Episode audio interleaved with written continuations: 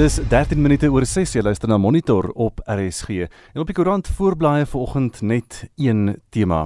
Beeld sê SA gesluit met al die besonderhede uit die president se toespraak gisterand oor die inperking of gedwonge afstandskepping van die regering en 'n foto van die weermag wat ook gereed maak.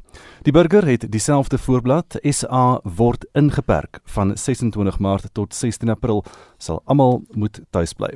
Volksblad, Cyril sluit die land en Business Day, Ramaphosa orders national lockdown.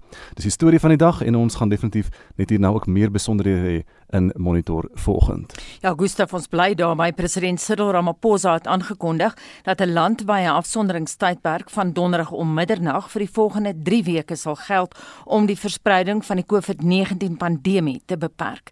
President Ramaphosa het gisteraand bykomende maatreëls bekend gemaak. 402 gevalle van die virus is sover in Suid-Afrika bevestig. Marlenae Forsie het meer. President Ramaphosa sê Suid-Afrika moet die infeksiekoers dringend laat daal. We need to urgently and dramatically escalate our response. The next few days are crucial.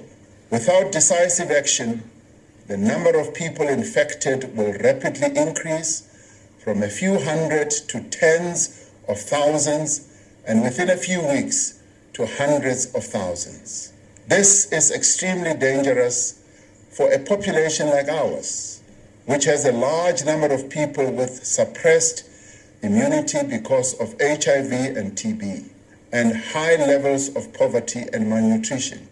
Die afsonderingstydperk van 21 dae sal van toepassing wees op alle Suid-Afrikaners met die uitsondering van 'n aantal noodsaaklike dienste en sektore soos die veiligheids- en gesondheidsdienste.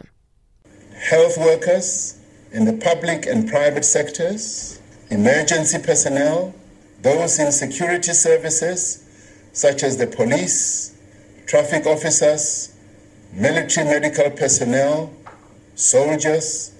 It will also include those involved in the production, distribution, and supply of food and basic goods, essential banking services, the maintenance of power, water, and telecommunication services Ramaphosa sê toetsing vir die virus sal opgeskerp word.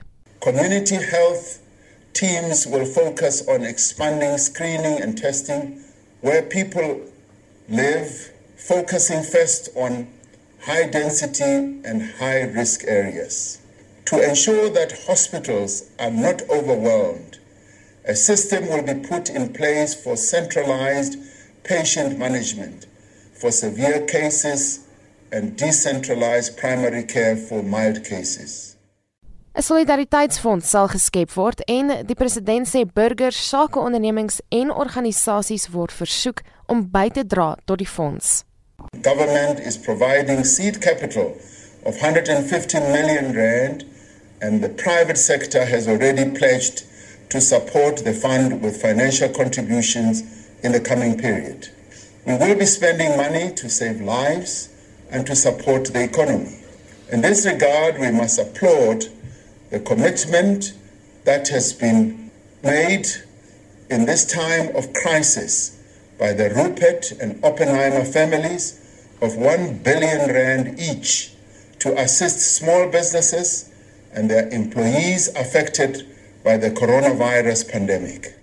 Ramaphosa sê die regering beplan om werkers en maatskappye finansiëel by te staan wat erg deur die pandemie geraak word. Through this proposal, employees will receive wage payment through temporary employee relief scheme called TERS, which will enable companies to pay employees directly during this period and avoid retrenchment. Any employee who falls ill through exposure at their workplace will be paid through the compensation fund. Commercial banks have been exempted from provisions of the Competition Act to enable them to develop common approaches to debt relief and other necessary measures. Die regering sal vandag meer besonderhede oor die ekonomiese ingrypings bekend maak. Die verslag van Busisi Mombe, ek's Marlene Forsie vir SAK nuus. 18 minute oor 6 en intussen het die ANC die president se aankondiging van 'n landwyse afsonderingstydperk verwelkom. Die party se sekretaris-generaal, Ys Magashule, vra dat elke Suid-Afrikaner die nuwe regulasies moet ondersteun. This is a necessary proactive measure to effectively combat curb of COVID-19 pandemic. These measures announced by the President of South Africa are indicative of the level of seriousness by government to ensure that the devastating effects of this pandemic are contained. Die ANC se sekretaris-generaal Ys Magashule. Die DA se tussentydse leier John Steenhuisen het ook die nuwe regulasies en algehele afsondering verwelkom. Uh, we're facing a wartime situation against a virus that really has the potential to destroy not only the health of our nation, but also our economy. And it is right that we throw everything that we have.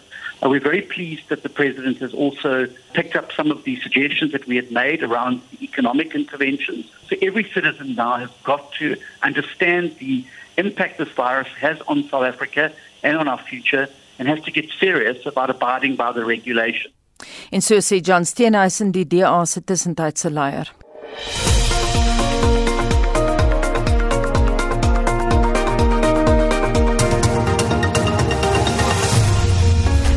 25 minute oor 6 op monitor en die stryd oor wie die leiersels van die Tshwane Metro gaan oorneem duur voort. Gauteng se ALR vir samewerkende regering Lebogang Mahile het 'n span van 10 administrateurs aangestel wat die bestuur van Tshwane sal behartig. Die span sal onmiddellik begin, maar die DA gaan die besluit om die stad onder administrasie te plaas in die hof betwis.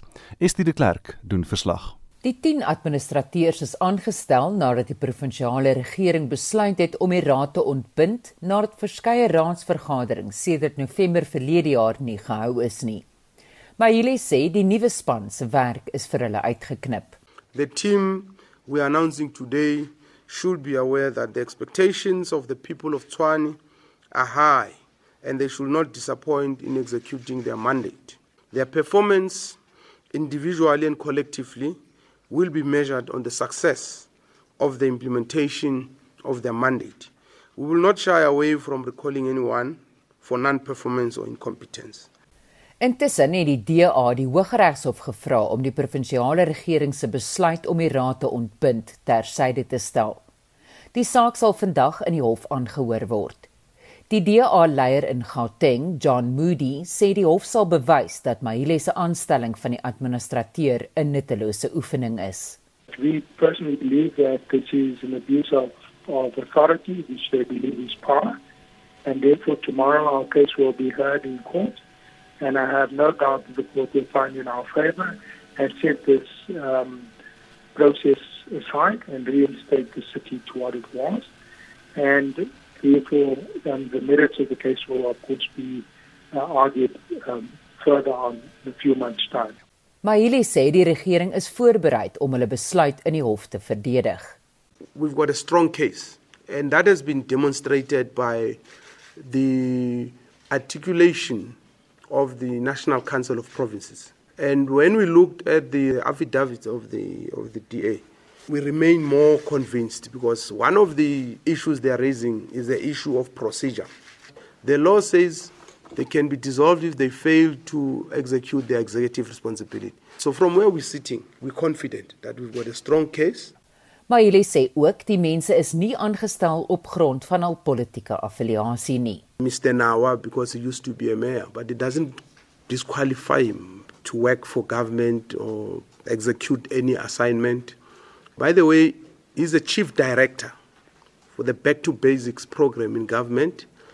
And that Back to Basics is about helping municipalities. So he's the right person because that's what he does at work. He gets paid for that. We are not interested in his political views. Die administrateur sal na verwagting onmiddellik oorneem vir 'n tydperk van 3 maande tot wanneer 'n tussenverkiesing gehou sal word. Die verslag is saamgestel deur Maluti Obiseng in Pretoria. Ek is Estie de Klerk vir SAK nuus. Daar is minstens 15 bevestigde gevalle van die koronavirus in Kenia aangemeld. Die regering het nou besluit om landsburgers se bewegings te beperk. Annelien Moses doen verslag. Kenia het strenger maatreëls aangekondig om die verspreiding van COVID-19 te beperk. Die maatreëls is soortgelyk aan die wat buurlande soos Rwanda, Uganda en Suid-Sudan ingestel het. Mutai Kagwe is Kenia se minister van gesondheid. All international flights are suspended effective Wednesday the 25th at midnight.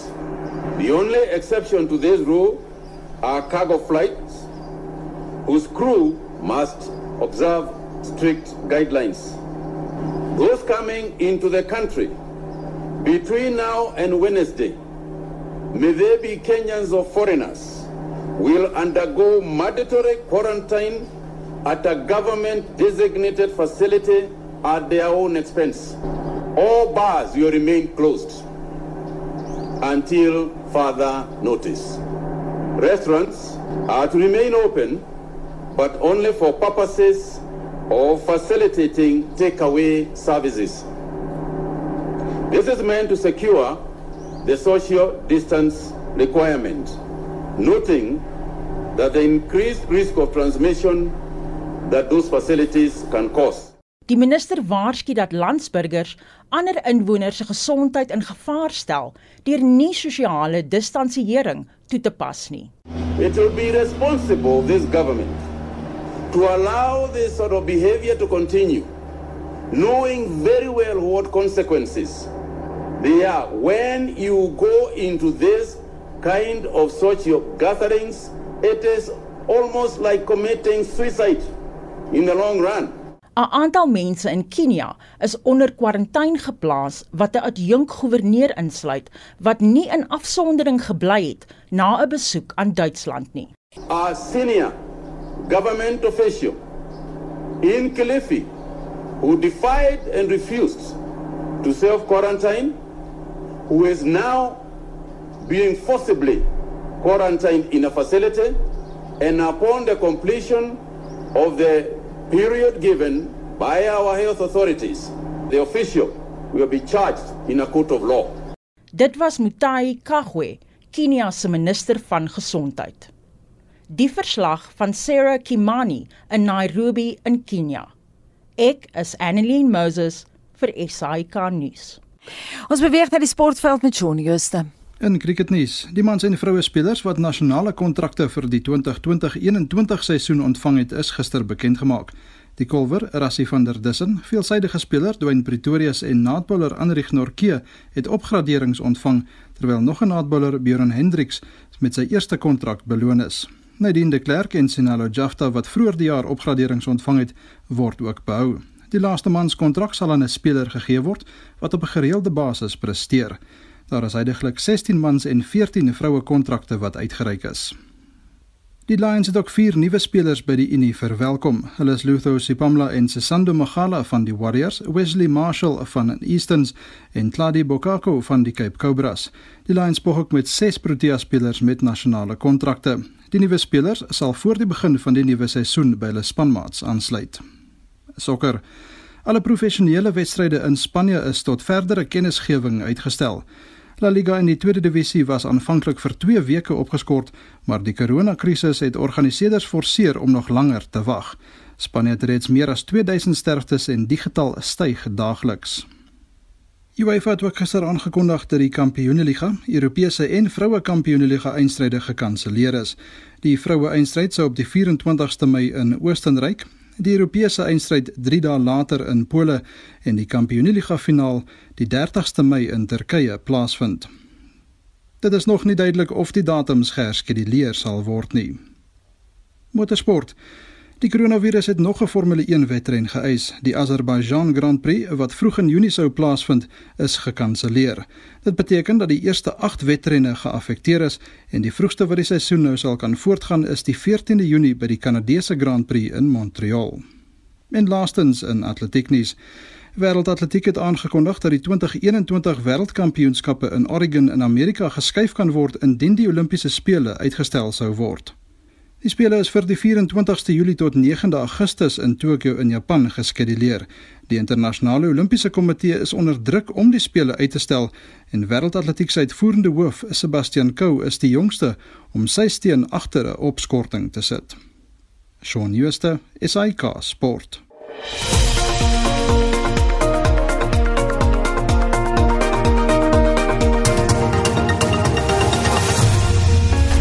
21 minute voor 7 jy luister na Monitor op RSG en in Suid-Afrika is Johan Stein een van die eerste pasiënte by wie COVID-19 gediagnoseer is.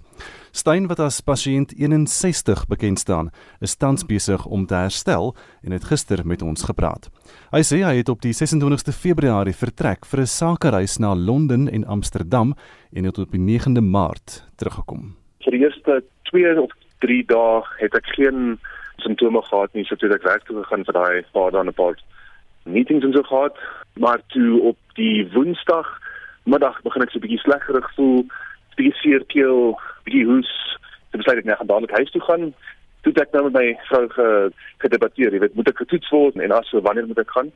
So as ek begin 'n koers kry, dan gaan ek maar gaan toets. So toe op die donderdag, die dink jy die 12de, ek kan toets.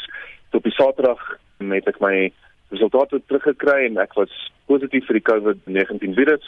En dan saaks nog my vrou en my klein dogtertjie wat saam met my op die trip was, was negatief.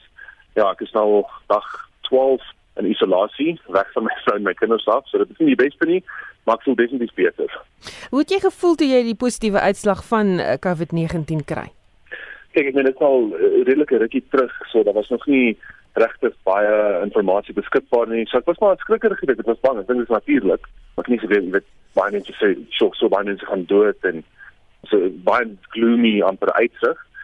Maar soos wat ek bietjie meer navorsing gedoen het ek gesien, jy weet, ja, dis definitief nie die beste om te kry nie en dit is definitief seker maak dat ons nou nie te mense gee wat ander kondisies het en en ou mense en so dit is 98% kans dat mense gaan kry dis en dit het my daarom bietjie terugste bestel in daai situasie.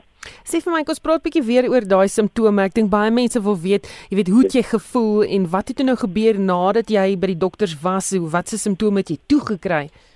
Ek het soos ek gesê het op die Woensdag het ek so 'n bietjie seel eh, keel gekry, so 'n bietjie hoeserig, maar niks te erg nie. Die donderdag was dit dieselfde, maar toe het ek begin 'n koors kry, so 37.8, 37.9, 38 het ons besluit kyk ons gaan ons toets. Het ons aan die Glenwood Hospitaal in Benoni gegaan. Soos mense daar inloop het hulle 'n questionnaire wat mense invul en dan vra hulle vir jou wat jy getravel en wat is simptome met mense en ek het natuurlik aan die bokse getik wat aandui dat ek kon coronavirus hê.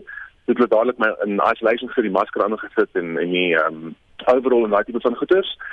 Die hospitaalproses het redelik lank gevat. Hulle was nog nie heeltemal reg opgekeer vir die toets en so nie. So ek was 'n paar ure daar gewees maar hulle doen 'n bloedtoets en hulle doen 'n swab in die mond en in die neus. Toe sê hulle my kyk ek moet huis toe gaan sal uh, myself isolate en toe vat dit 2 dae vir my om my toets terug te kry. En daai 2 dae het my simptome al klaar begin beter word. Ek het net so 'n bietjie congestion begin kry en 'n bietjie kopseer. My koors het weggegaan, maar ek het baie moeg geword. Ek was vir 'n paar dae regtig moeg geweest omdat ek die hele tyd geslaap het. En so elke dag na dag voel dit maar so klein bietjie beter. Elke nou en dan kom die simptome terug, maar op 'n dag tot dag basis ek dink voel ek definitief beter en beter en beter. Dit het darm nie in my longe of enigiets soos dit ingegaan nie.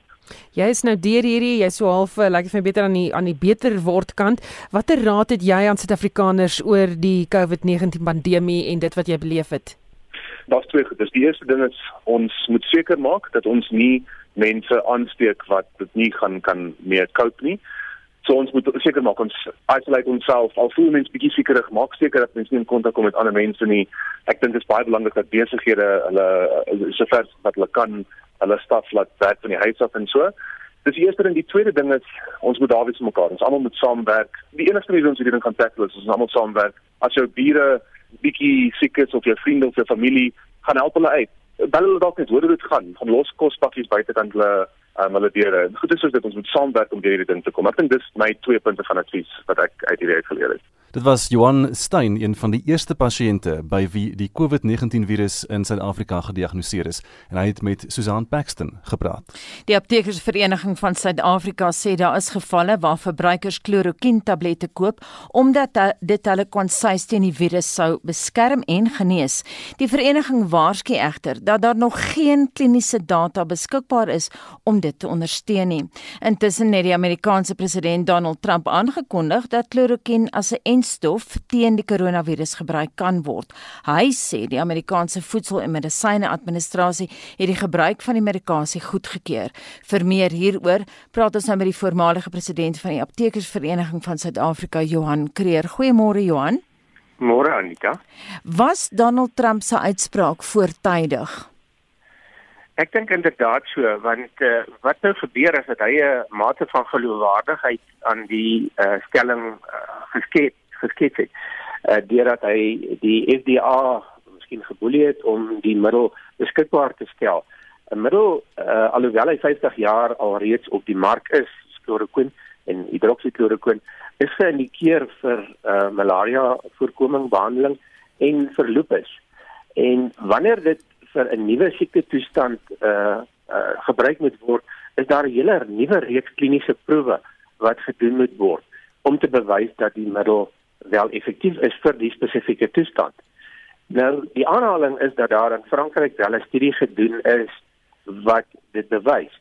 En ek moet beklemtoon dat dit 'n enkele studie is met 'n relatiewe klein groepie mense en dat dit bloot 'n fase 1 studie is. Uh medisyne moet deur drie fases van studies wat uh die omvang vergroot geleidelik voordat dit erken word dat dit uh wel effektief is. Uh dit moet dan ook internasionaal getoets word en dan selfs wanneer dit geregistreer is, is sogenaamde fase 4 wat dit vir die duur van die medisyne uh se gebruik oor die wêreld nog steeds geëvalueer word en kyk of dit effektief is. So my gevoel is dat uh, uh president Trump 'n bietjie voortydig opgetree het met sy uitspraak en sy goedkeuring van die middel want die wetenskaplike proses is nog nie voltooi nie. En die gevaar wat 'n mens nou hier loop is dat mense nou opgesweep word om die middel te gaan koop in groot hoeveelhede. Nou daar is twee implikasies hierso. Die eerste plek is dat hy uh uh as 'n oortoonbankmiddel beskikbaar is vir die voorkoming van malaria alleenlik. Wanneer 'n mens dit gebruik vir die uh, gebruik van 'n siekte toestand, is dit 'n skedule 4 middel en dit beteken dat die dokter 'n voorskrif daarvoor moet skryf. En indien die dokter 'n voorskrif skryf daarvoor vir die behandeling van uh, COVID, dan uh is dit buite die bestek van die registrasie van die medisyne en is daar allerlei wetlike implikasies en gevare aan verbonde daar. So uh, wat kan gebeur is dat daar nou 'n toeloop van mense is wat dan sogenaamd dit vir malaria wil gebruik maar werklikheid om die virus te voorkom en dit ontneem dan pasiënte wat die medikasie werklik nodig het die geleentheid om dit daarvoor te gebruik want dit is nie meer beskikbaar nie. So ek ek dink 'n mens wil die stormloop voorkom en sê mense weet jy daar's verskeie ander middels wat ook uh, op die stadium getoets word uh vir die koronavirus maar dit is nog nie wetenskaplik bewys nie mense moet uh versigtig wees wanneer 'n mens so 'n uh, uh, storie versprei jy weet dat die middel dan nou sogenaamd effektief is. En nou kom dit nog van 'n president af. Kom ons kyk nou na die wetgewing in terme van betrekking tot kloroquine in Suid-Afrika. Wat sê die wet? Wanneer kloroquine gebruik word vir die voorkoming van malaria, kan 'n mens dit oor die toonbank koop as 'n uh, skedule 2 middel.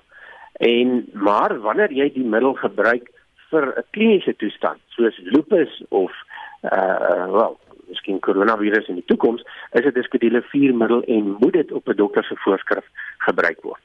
So 'n mens kan nie jy oortree die wet en die apteker wat dit aan jou verskaf vir die behandeling van korona uh oortree dan self op die wet om dit aan 'n pasiënt te gee. As jy pas by ons aangesluit het, ek praat met die president of die voormalige president van die Aptekersvereniging van Suid-Afrika, Johan Kreer, hy's ook 'n dosent by die departement farmakologie aan die Universiteit van Pretoria. Johan, um, in terme van paniekaankope, watse medisyne koop Suid-Afrikaners nou?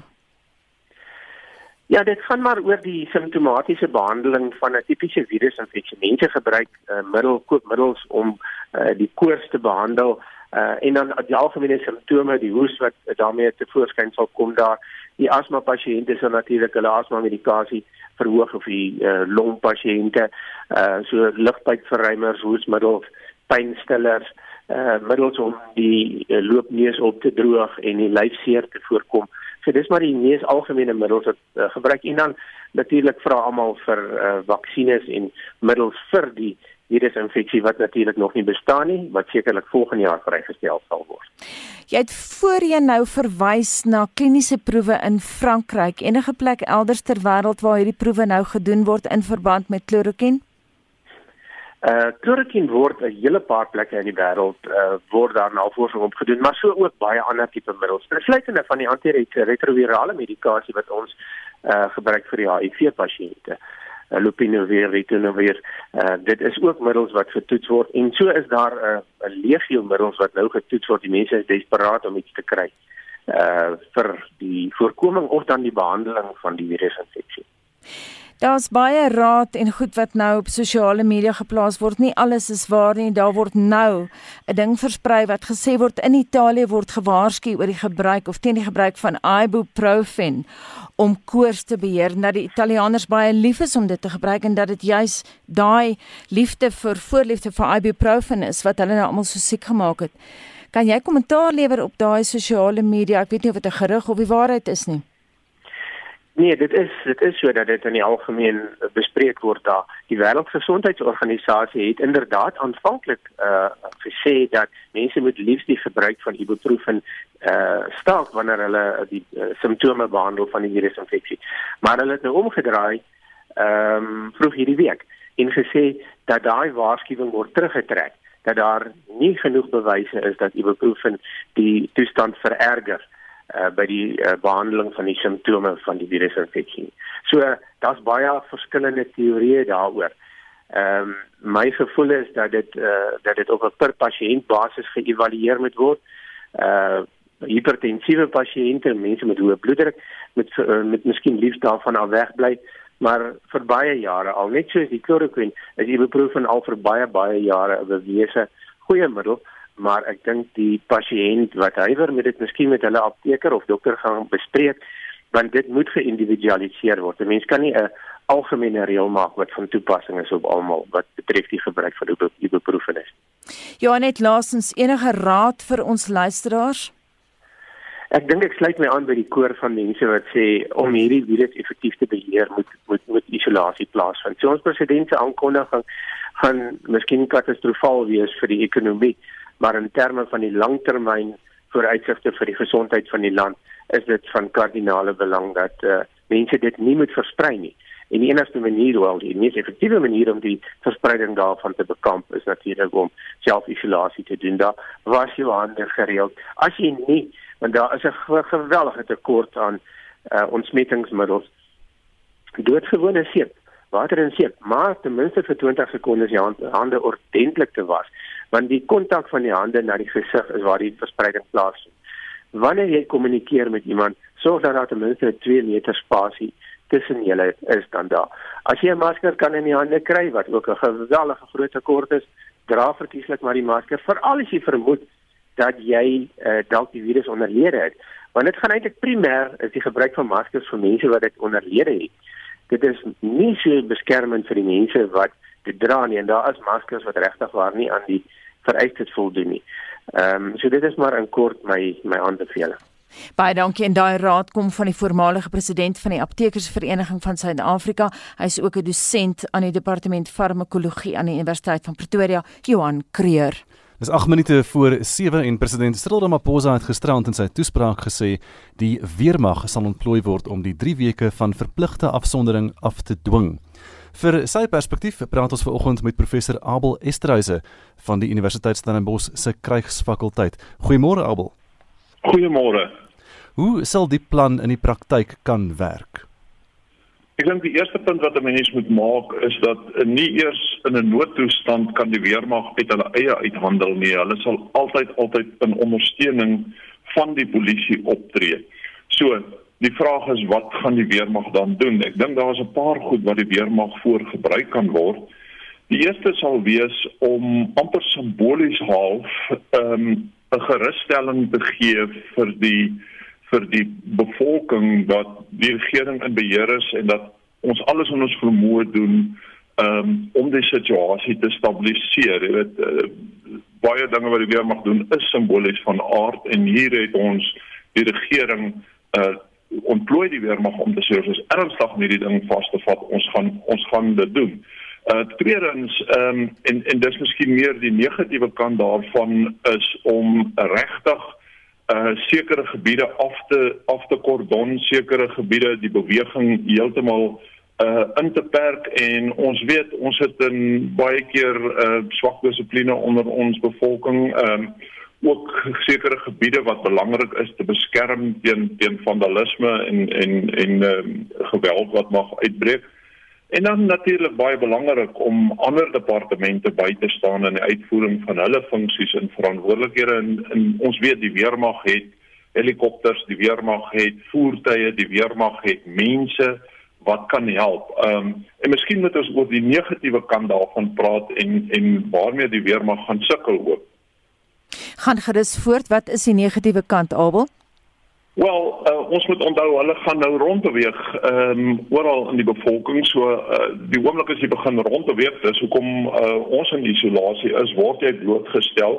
Ehm um, dis die eerste probleem dat hulle die weermag dalk 'n verspreiding of draer kan word. En die tweede probleem natuurlik is ons ons weet die weermag se mannekrag is beperk. Die weermag het nie genoeg mannekrag om regtig Suid-Afrika 'n groot land. Ek het gesien gister die die leerpraat van een kompanie, dis omtrent kom ons sê 150 man per uh, provinsie. Nou daar's geen manier wat 150 rand uh, 150 man in 'n provinsie soos die Noord-Kaap regtig uh, die regering se se se beleid kan afdwing en uitvoer nie. En ja, dan dan is daar 'n derde ding wat my geweldig bekommer. Ehm um, en en dis 'n algemene uh, uh, probleem, maar die weermag se sekuriteit uh, uh Lexus se surf. Ehm um, dit is vir my onrusbarend dat elke liewe order wat uitgereik word deur die weermag ehm um, beskikbaar raak op ehm um, op op sosiale media oomblikke nadat dit uitgereik is. Ek ek dink dit moet 'n geweldige bron van kommer vir die weermag wees. Ehm um, en dit sê vir my die regering het het nie regtig 'n geslote kommunikasie om om regtig uh, op 'n op 'n veilige manier te kommunikeer met die weermag nie. Hoeveel mag hierdie weermag in terme van sy optrede moet gewone Suid-Afrikaners bang wees dat 'n soldaat hulle bietjie hardhandig en arrogant gaan hanteer? Nee, ek ek ek dink nie uh, die weermag uh, soos ek gesê die weermag is in in totaliteit afhanklik uh, van die polisie. Ons sal altyd in ondersteuning van die polisie ehm um, optree. Uh, uh, ons moet onthou hier dat ehm um, hierdie virus versprei hoofsaaklik op gemeenskapsvlak. Dis die dis die een van die groot lesse wat ons geleer het uh, in China, Italië en ander plekke. En dat ehm um, beweging ehm um, is 'n kritiese element vir die verspreiding daarvan. Ehm um, ek twyfel of die weermag hardhandig sal optree. Ehm um, die weermag sal dood eenvoudig wil ek amper sê kordonagtig optree in die sin van vir mense sê ehm um, asseblief moenie beweeg nie. Ehm um, bly by die huis. Ehm um, wat soek julle by die by die mall? Hoekom hoekom is julle hier?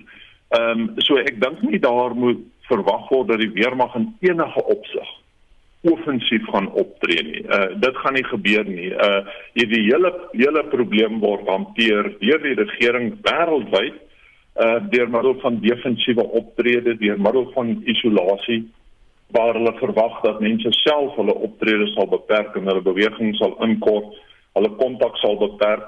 Ehm um, hierdie dink ek is dood eenvoudig tot 'n groot mate toe om kriminaliteit te voorkom. Dis simbolies die regering tree op. Ehm um, dan gaan die offensiewe offensiewe optrede van die weermag alwees nie.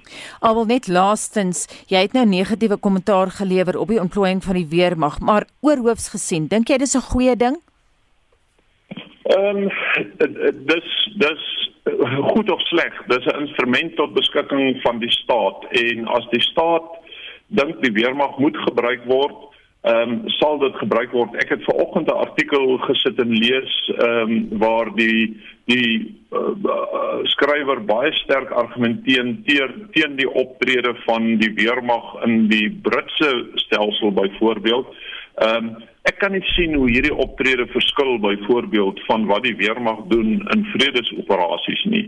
Uh, die weermag het eintlik baie ervaring in hierdie tipe van van optredens vredesoperasies waar ons minimum geweld moet gebruik om om vrede te handhaaf. Ehm um, so ek kan nie uh, sien hoe dit enigsins negatief uitspeel nie en ek dink die weermag was reg of die regering is reg om hulle om die weermag te ontplooi. Die vraag hier is ehm um, wanneer kulmineer hierdie krisis en of die regering nie miskien die weermag te vroeg ontplooi het nie. Ehm um, want jy wil nie jy wil nie die weermag te vroeg ontplooi dat die weermag uit energie uithardloop voordat die krisis gekulmineer het nie. Ehm um, die weermag moet ook reserves handhaaf, die weermag moet ook sy versterkings ehm um, in plek hou en en jy wil nie dat die weermag uit kapasiteit uithardloop voor hierdie krisis gekulmineer het nie en dis die groot vraagteken wat eintlik hang oor die regering se ontplooiing van die weermag op hierdie stadium. Baie dankie en soos die professor Albo Esterhuise van die Kragsfakulteit aan die Universiteit Stellenbosch.